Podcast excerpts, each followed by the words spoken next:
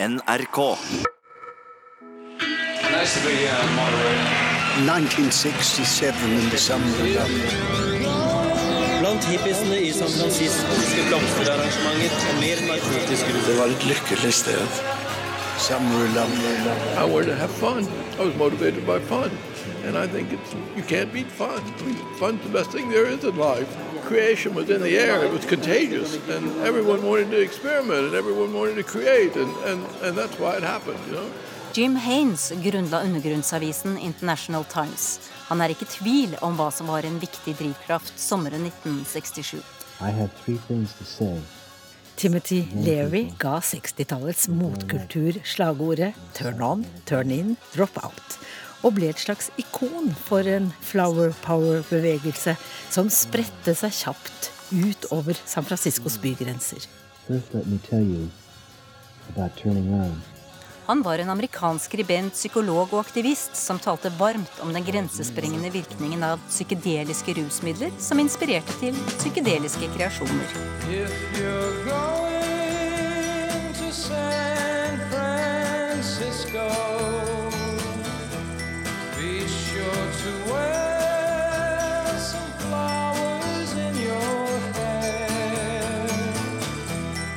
Selve begrepet flower power ble skapt av poeten Alan Ginsberg. Men det var aktivist og anarkisten Abby Hoffman som gjorde begrepet kjent gjennom The Youth International Party, forkortet til Yippies.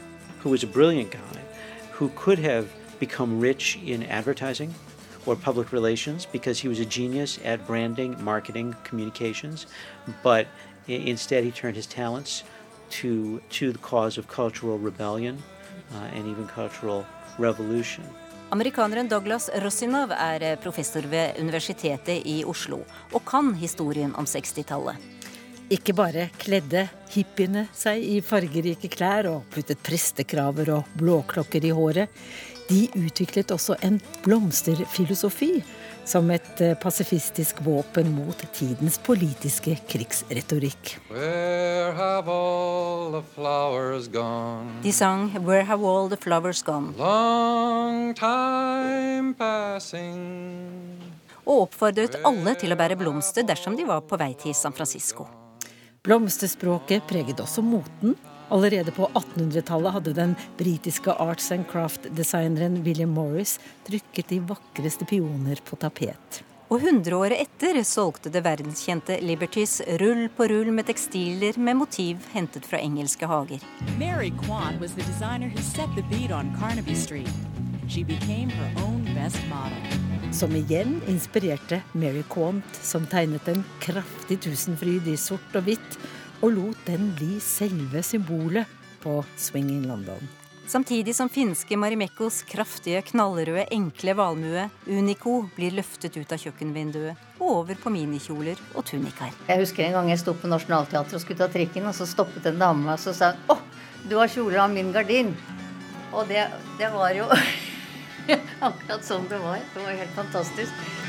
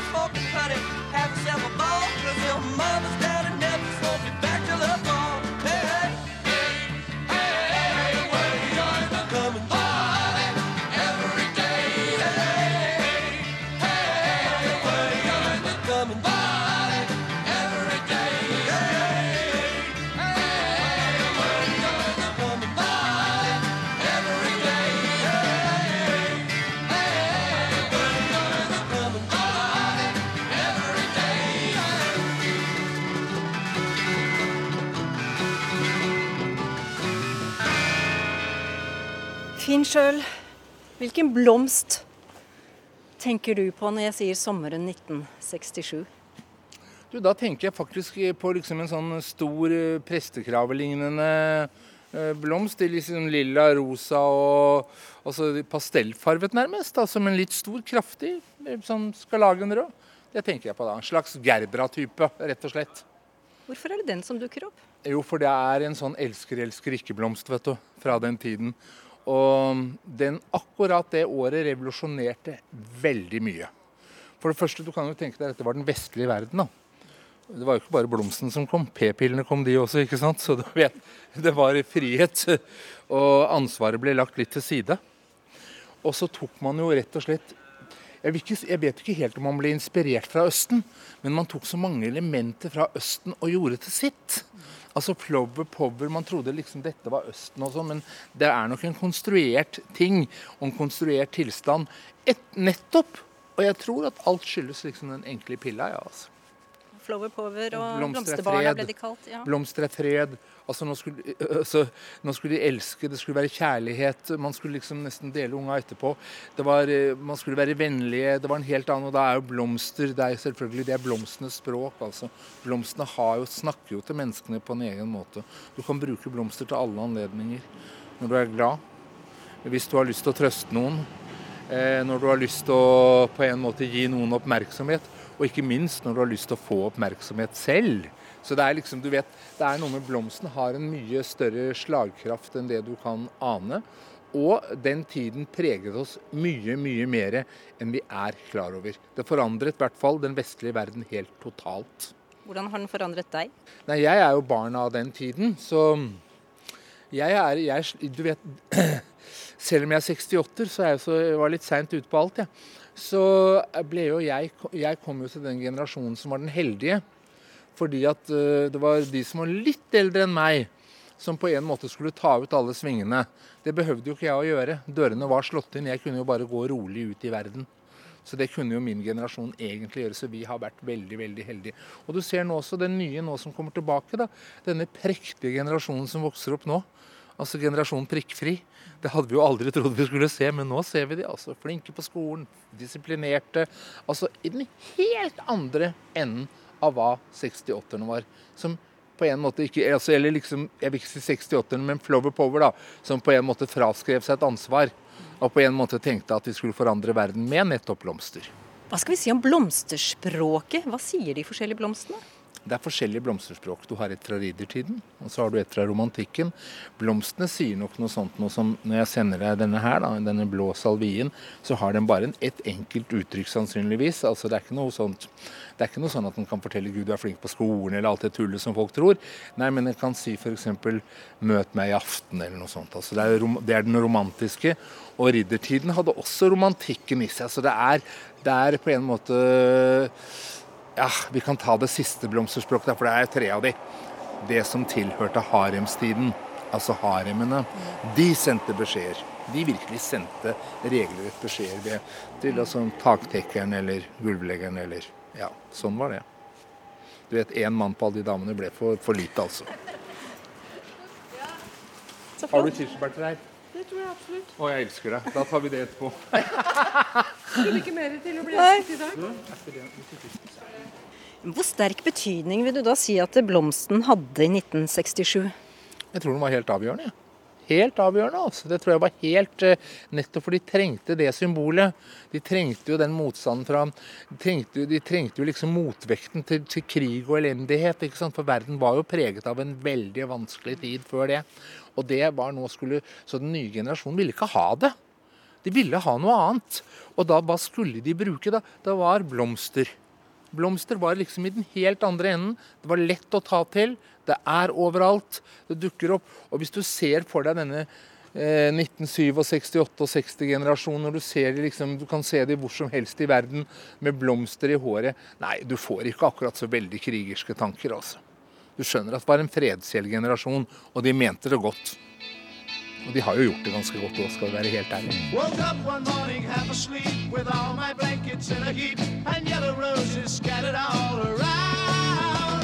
Time was still approaching for I couldn't stand it anymore. So Mary goes upon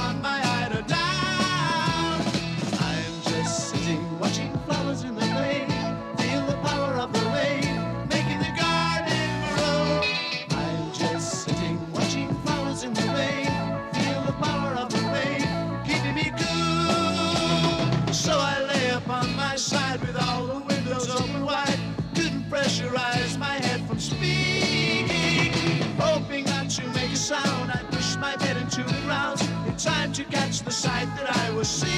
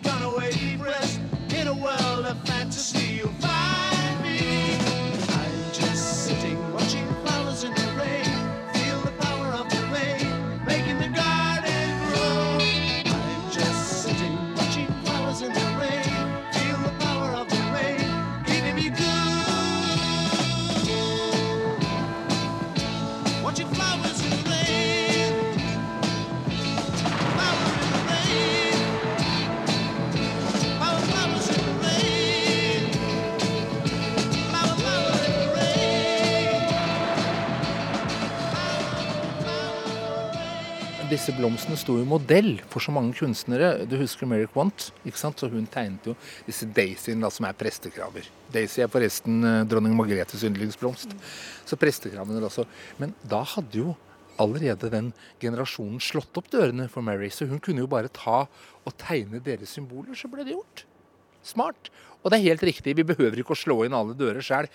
Har du en god idé, eller ikke har den, kanskje se på noen andre, se hva de gjør. Bli inspirert, gå videre i livet. Men gå i fred. Fred, fred, fred. Ja, som eh, Finn sjøl forteller, Mary Quant plukket også en blomst da hun skulle tegne logoen som ble synonymt med Swinging London. Den sorte og hvite forenklede tusenfryden eller prestekragen, som enkelte mener hun var inspirert av, var tegnet i en enkel strek. Og hun hang dem på kolleksjoner, på handleposer og formet vesker og smykker, beltespenner og hårbøyler. I 1967 dro ungdom fra hele Europa til eh, Kings Road og Carnaby Street i London for å finne minikjoler signert med Quants blomst i skarpe kontraster. Heather Tilbury jobbet tett sammen med Mary Quant, og vet hvilken kraft det fantes i en enkel britisk blomst. Her snakker vi om ekte flower power. Mary always doodled. When she was drawing, she was often drawing little flowers around the outside or on the garments. And of course, she loved flower designs and chose Liberty fabrics very often, which featured flowers. So eventually she realized that there had to be an identity to what she was doing because she was doing so many different things. And she worked on her favorite shape, which was a flower design of an either five or six petal daisy. And this became her signature. So when we got close to registering, the daisy had to be formalized, and it was always either black on a white background or white on a black background, and it had that inner circle. Which was graphically extremely strong, whether it was hanging on a swing tag or in a neck label or on a carrier bag, and it was noticeable and recognizable from a distance. And that daisy proliferated around the world and is now and was very quickly recognized as being the signature of Mary Quant Limited. Mary loved the contrast of black and white or ginger and black, colours that hadn't really often been used before, and it spread and was spreading through the arts, through painting, through sculpture, through graphic design. Advertising was developing in a way it never had before. The music scene had huge influence. People wanted to explore in all directions, and that was tremendously exciting. It was audacious, it was very satisfying and quite frightening too. But if somebody made a success, how stimulating and what an opportunity for others to follow them. Heather Tilbury, Mericon says the breaking of traditional rules is always exciting. Yes. Uh, rules are made to be broken. There was resistance, but she also found ways of circumnavigating that. For instance, she badgered and badgered tights, theatrical tights manufacturers to dye tights special colours so that the girls wore them and became much more acceptable than um, wearing short skirts which showed knickers, which of course was considered shocking. But she often, often put shorts or hot pants or knickerbockers or leotards or even swimsuits underneath for respectability. And the other thing that was really important and helped to change people's minds was the way she showed her clothes at the beginning of each season. The models would be dancing to music, not walking stiffly up and down a catwalk with little gold chairs either side. There was a, a terrific feeling of celebration, exciting, new clothes, and the models entered into that, and it became a real spectacle. So people changed their minds because they were swept along by the excitement of it all.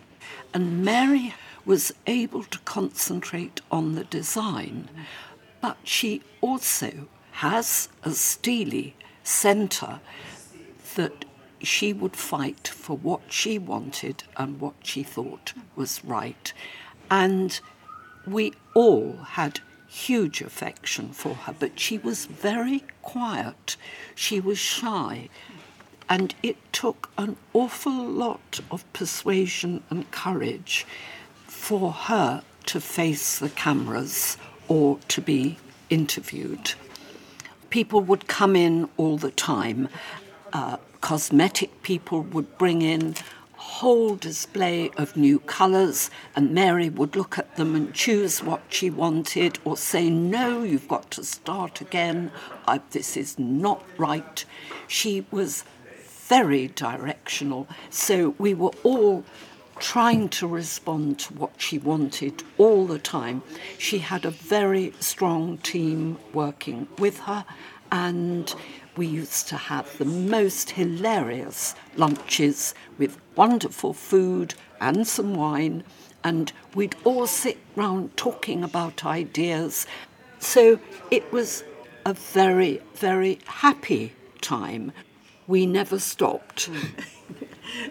Who was her favorite model? She had many favourite models. She loved working with people like Twiggy, of course, Patty Boyd, Jean Shrimpton, Grace Coddington, Penelope Tree, so, so many.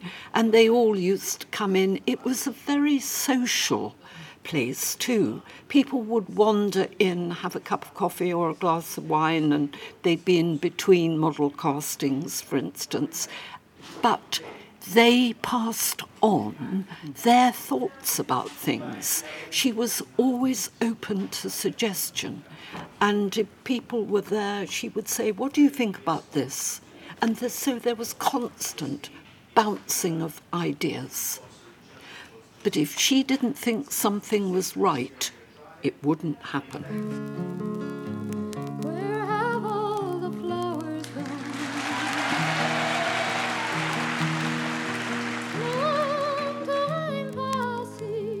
This may be the first generation for whom the search for romance actually does lead towards Shangri-La.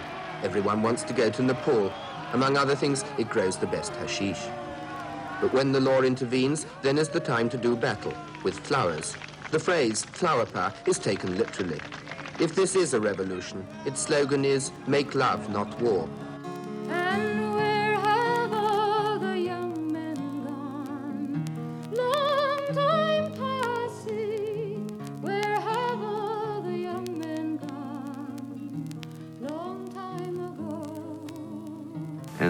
This uh, image that appeared in public of a somewhat timid, tender kid, but courageous, with his flower poking it into the barrel of a soldier uh, who was his same age, but in the wrong place at the wrong time, sweating and worried, and holding his rifle up against his fellow brother, an image of flower power.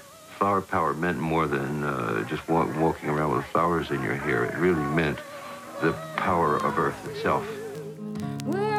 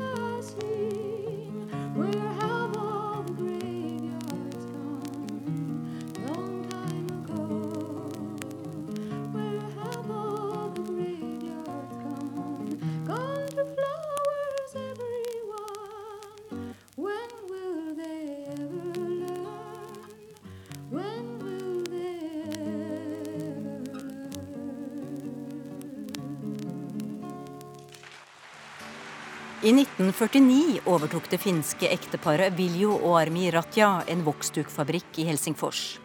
Drøye tiåret senere satset de alt på det som skulle bli et av verdens mest gjenkjennelige designuttrykk. Marimekko ble et begrep, også med god drahjelp fra den amerikanske trendsetteren Jacqueline Kennedy. Ut av alle Marimekkos mønstre dukket det opp en valmue, rød og med så mye kraft at den fant sin plass hos Flower Power-generasjonen. Valmuen, Unico, ble også et symbol på frihet og kreativitet. Designeren Maya Isola hadde, akkurat som Eric Quant i England og hippiene i San Francisco, funnet frem til en blomst i kampen for likestilling og fred. I 1967 hadde Berit Dyring funnet både Marimekko og valmuen for lengst. Denne sommeren var stadig flere unge mennesker innom butikken hennes Albertine i Oslo for å skaffe seg fargerike kjoler og skjørt.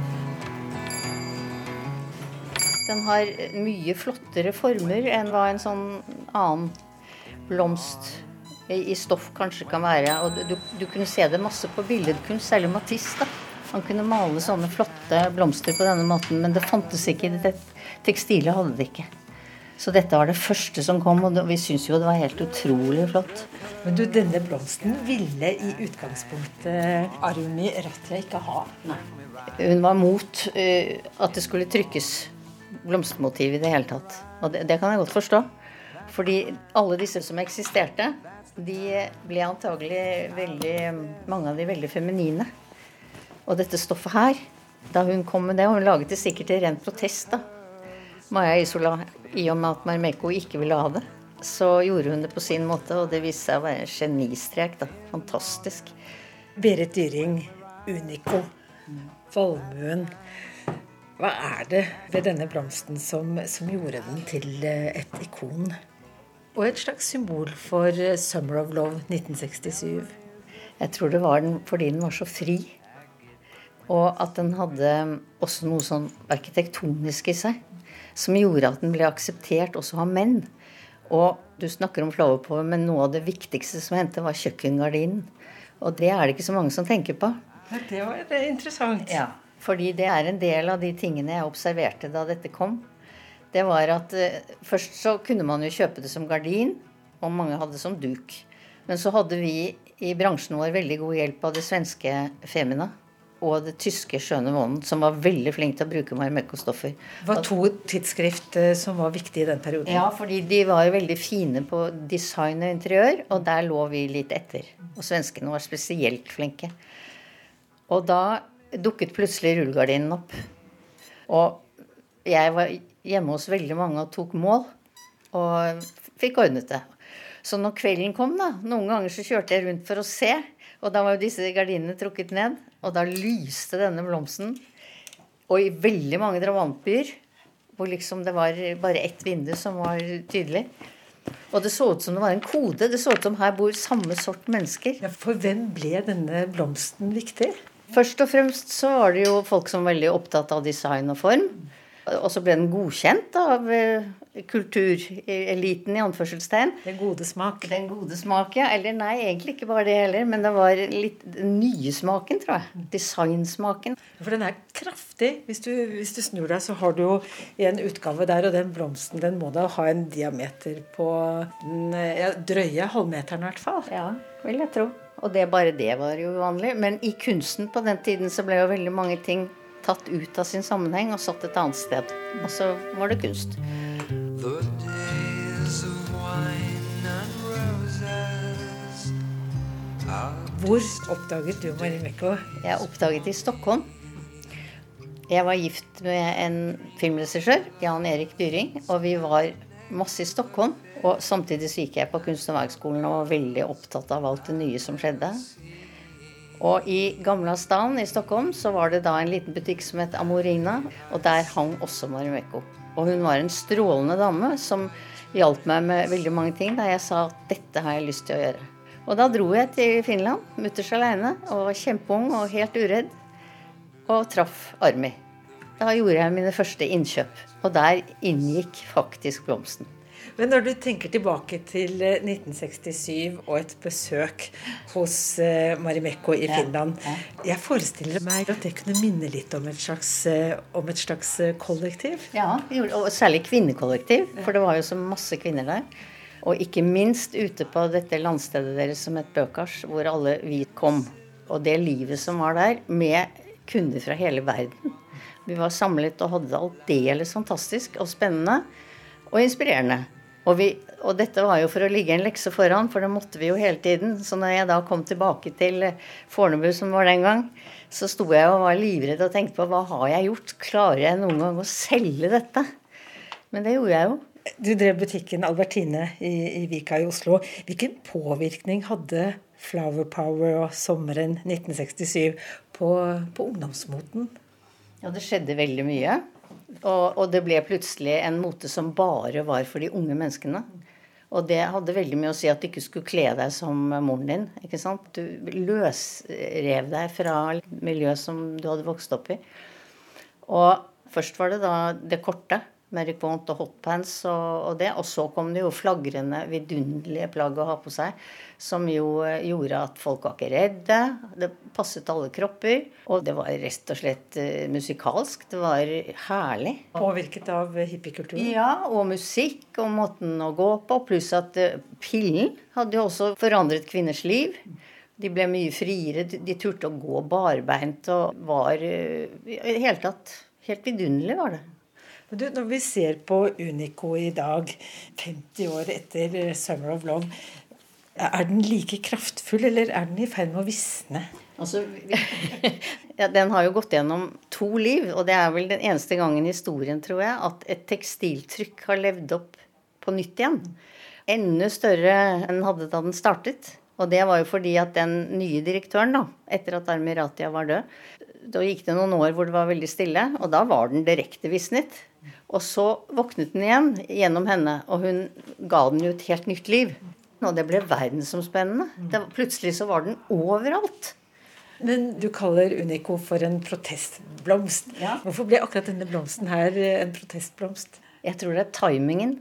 Også det at den hadde en så veldig flott og enkel form.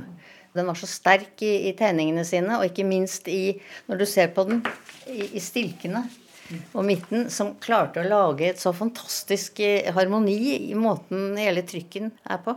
Color in sky, Russian blue. Scarlet fleece changes hue. Ja, jeg har en liten historie som forteller litt om mitt liv med blomsten. For ca. to år siden så var jeg på en stor kunstutstilling og med masse mennesker. Og alle var ganske sånn nøytralt og pent kledd.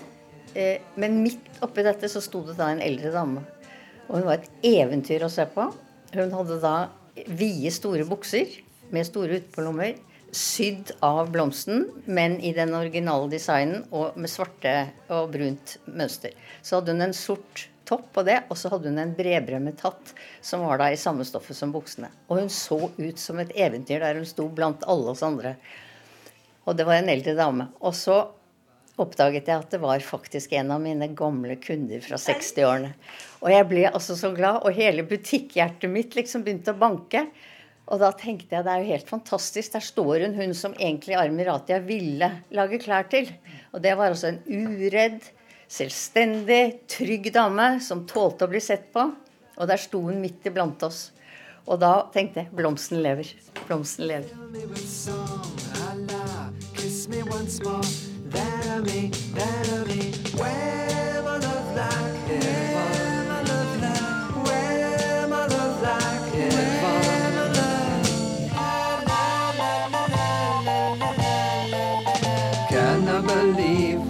I see? All I have wished for will be. All our race proud and free.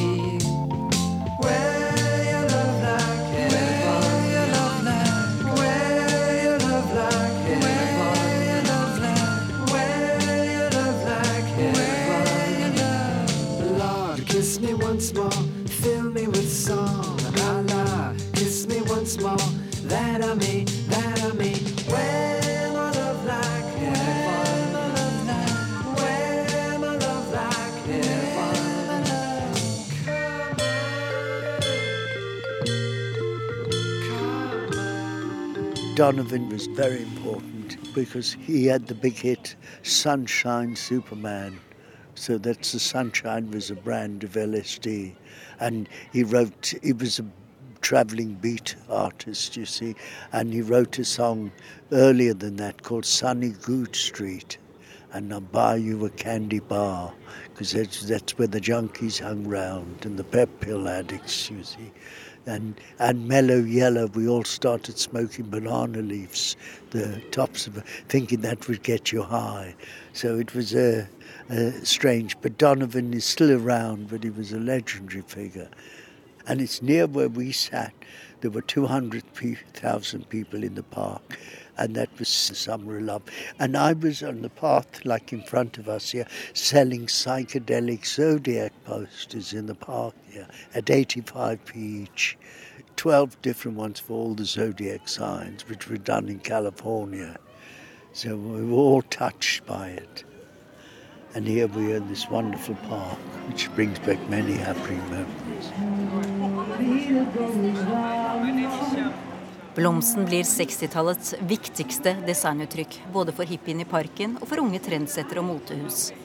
I Portobellos verdenskjente lørdagsmarked står selgere tett i tett med sine salgsboder og byr frem blomster, gjerne laget av farget lær, plast eller av gild emalje på metall. Du finner dem på buttons, armbånd, hårbånd og nåler. Og i juli 1967 fronter modellen Twiggy britiske Vogue med store blomster malt rundt øynene og på kinn. Ida Eritsland er moteviter og tar oss med inn i garderobeskapene til ungdommene fra 60-tallet. Vi møtes utenfor Doga, Norsk design- og arkitektursenter, på en plen ned mot Akerselven, der eh, sommerkledde har slått seg ned på pledd, og noen har funnet frem en gitar. Et bilde tatt i Hate Ashbury i San Francisco sommeren 1967 forteller om klærne, fargene, mønsteret, om det som i ettertiden skulle betegnes som the summer of love. Ja, altså jeg har sett litt på en del bilder eh, fra perioden nå. Det som jeg syns var veldig interessant, var jo å se på eh, Altså Historien skrives jo ofte også visuelt gjennom på en måte litt sånn poster-gutter og jenter, altså de som er mer ekstreme. Men om du ser altså gatelangs i Hate Ashbury den sommeren, så er det ganske interessant fordi de ser veldig ut som vi ser ut i dag. Altså det er en veldig gjenkjennelig stil på mange måter, og det er jo noe som på en måte kanskje historien har skrevet litt annerledes for oss. At vi tenker at det er veldig mye flagrende gevanter, veldig mye ja, blomster, altså at, at ting er ganske ekstremt. Men her ser vi altså ungdommer i eh, litt vide jeans, eller jeans med sleng, T-skjorter, eh, solbriller, litt langt hår, skinnjakker, korte sommerkjoler. Eh, rett og slett eh, noe som overrasket meg litt i forhold til det bildet man har, da. Hva forteller det om, om motet til denne generasjonen? Fordi de var jo barn av en, en krigsgenerasjon med nokså strenge rammer og permanentkrøller og faste spisetider. Og, altså det, var, det var rett og slett eh, et eh, opprør som, som var kraftig. Ja, absolutt. Og det, det er jo nettopp det som er interessant, at det som for oss ser ordinært ut eh, da 50 år senere, eh, jo var ekstremt ladet da. Og eh, leste en del eh, gjengivelser fra eh, reportere som går undercover. For, eksempel, for å dekke dette, som kommer fra en, en tilværelse da i, i dress og slips. Og som da etterpå sier OK, nå kan jeg ikke gå tilbake, da kasta jeg det for godt. Eh, man kan ikke reversere bevissthet, liksom. Og, og denne bevisstheten om at det var mulig å velge selv. Altså at det var mulig å bryte disse grensene, normene, som satt så hardt i folk. Um, uten at ting på en måte kollapset fullstendig. Altså det ble kanskje ikke det utopia de, de håpte på, men, men det har jo forandret uh, verden. Uh, og sånn sett så ser vi jo hva slags kraft som kan ligge i et sånt opprør uh, ja, på ulike måter, også, også gjennom klær. Men hvis du tenker da på, på sommeren 1967, hvordan påvirker tidsånden klærne?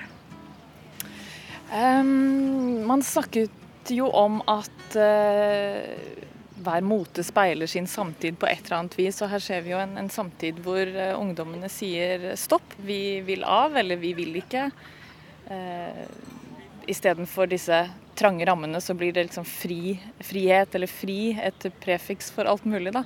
Også fri mote eller frie klær. sånn at Kanskje det har noe med å gjøre med at vi er i California. Vi er i en slags eh, et annet klima, for det første.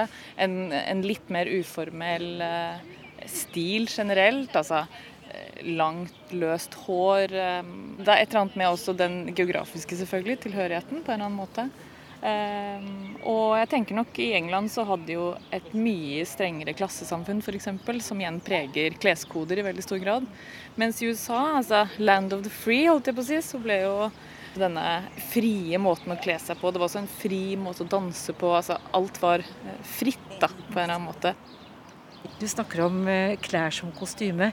Når, når blir Hate Ashbury, eh, California, en scene hvor man har et spill og ikke et, eh, et ekte liv? Nei, folk snakket jo om det, de som hang rundt Hate Ashbury, eh, at det var på en måte første gang man så altså, dette skillet mellom liv og livsstil. At man rett og slett eh, var der i helgene. Eh, shoppet litt stilen, shoppet litt opplevelser, og så gikk kanskje tilbake til det trygge senere. Men uh, Summer of Love i 67 var vel et kulmineringen av en oppbygning av en spesielt en musikkscene. Uh, her har man jo også i veldig stor grad som, som det alltid har vært. Altså klær som en veldig integrert del av et musikalsk uttrykk, eller et sceneuttrykk, sceneantrekk.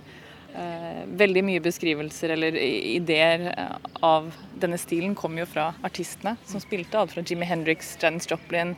Eh, det blir sagt at danserne til Jefferson Airplane så ut som de var fra syv ulike tiår samtidig. Sånn at det er nok en teatralsk ramme rundt det hele. Og som de sier, da Hate Ashbury på en måte eksploderer eller kulminerer eller et eller annet de to månedene, gjerne, i 67, så er det eh, delvis over eh, ganske rett etterpå. Det er eh, 100 000 tilreisende til et bitte lite område. Altså det er ikke sustainable på en eller annen måte. Det blir en, det blir en drøm, og det blir en, eh, en, en slags utvidet festival.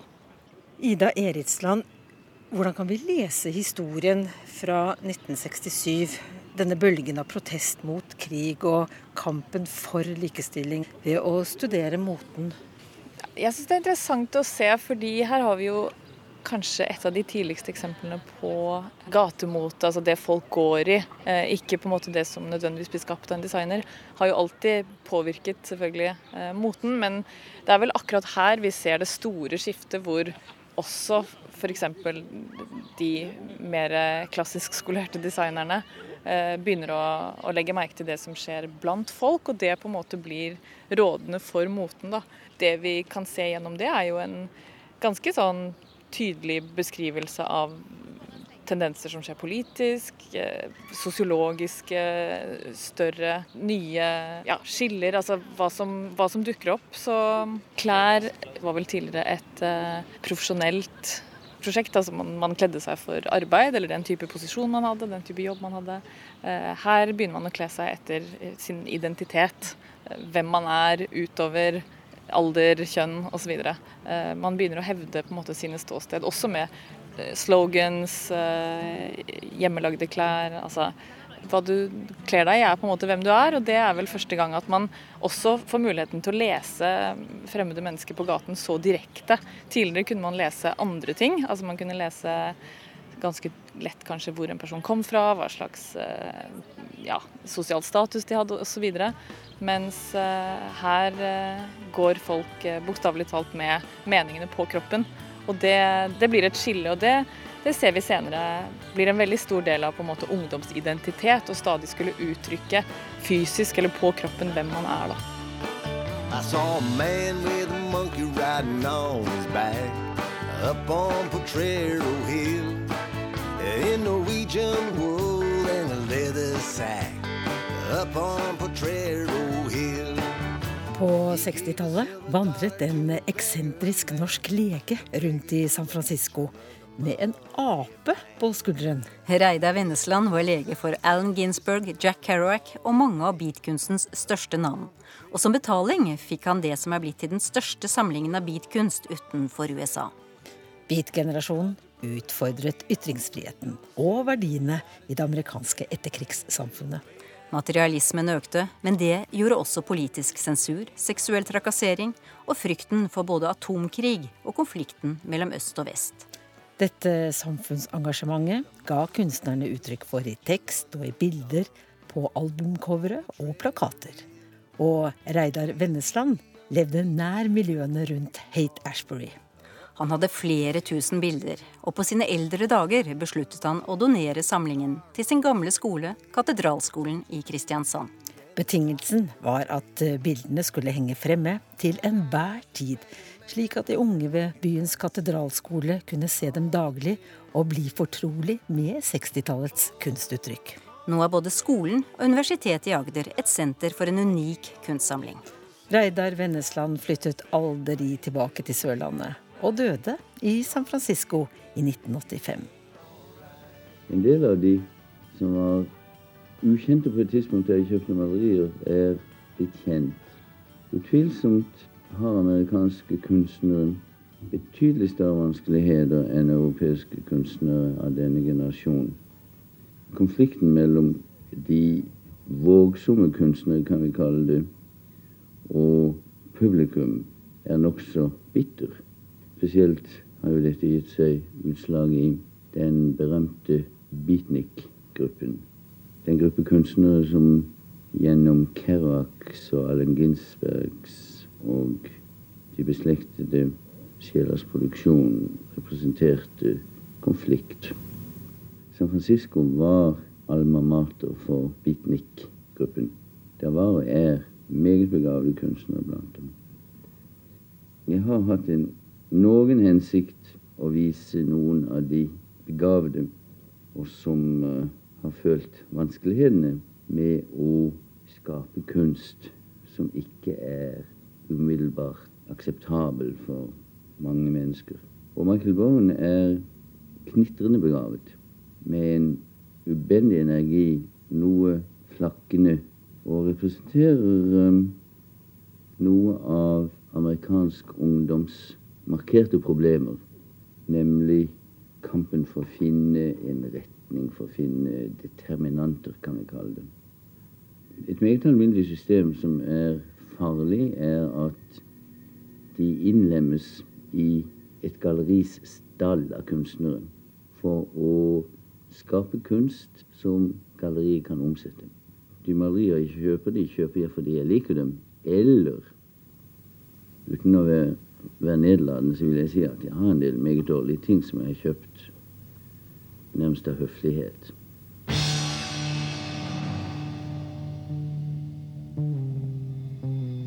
Lasse Nilsen er gitarist som var ung musiker i 1967.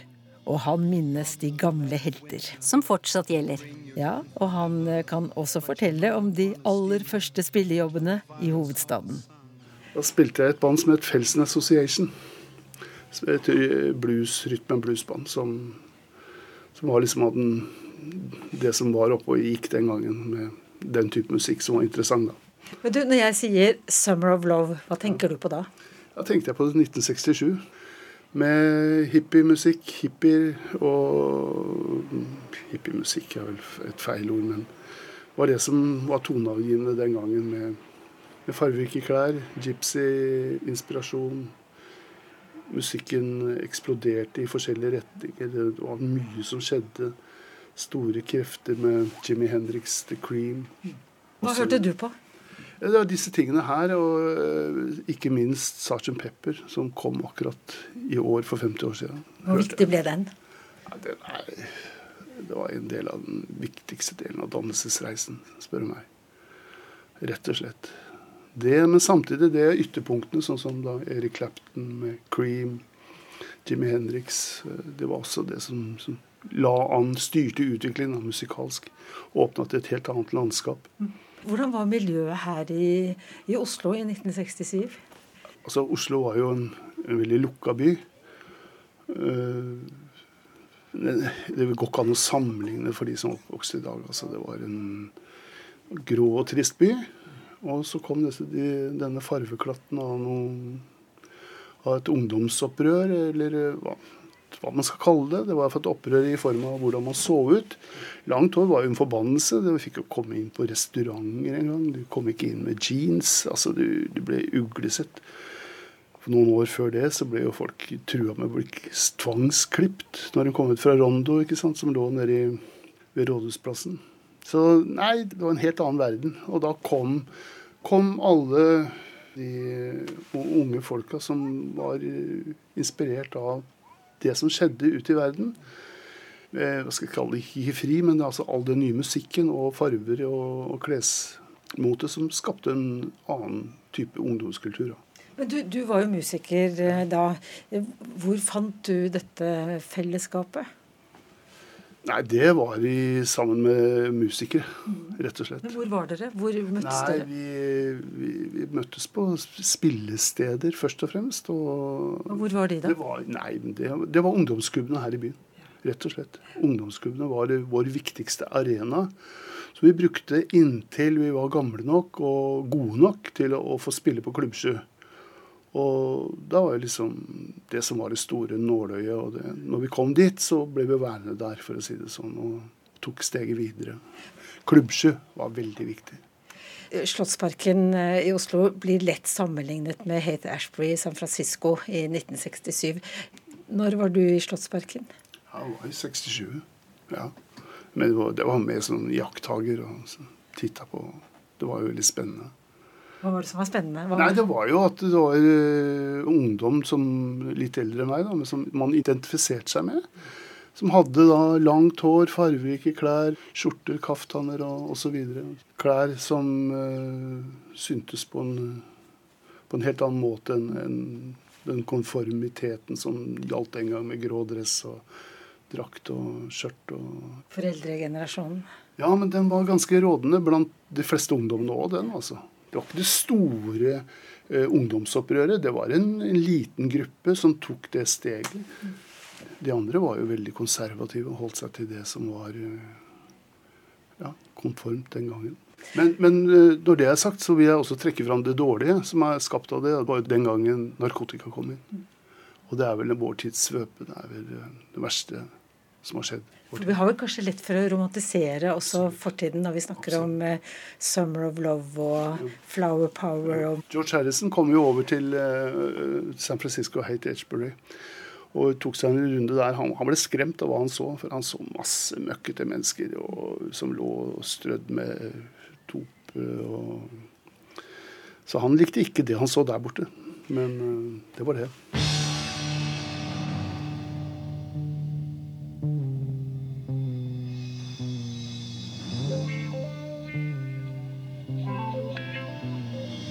Thought the leaden winter would bring you down forever, but you rode upon a steamer to the violence of the sun.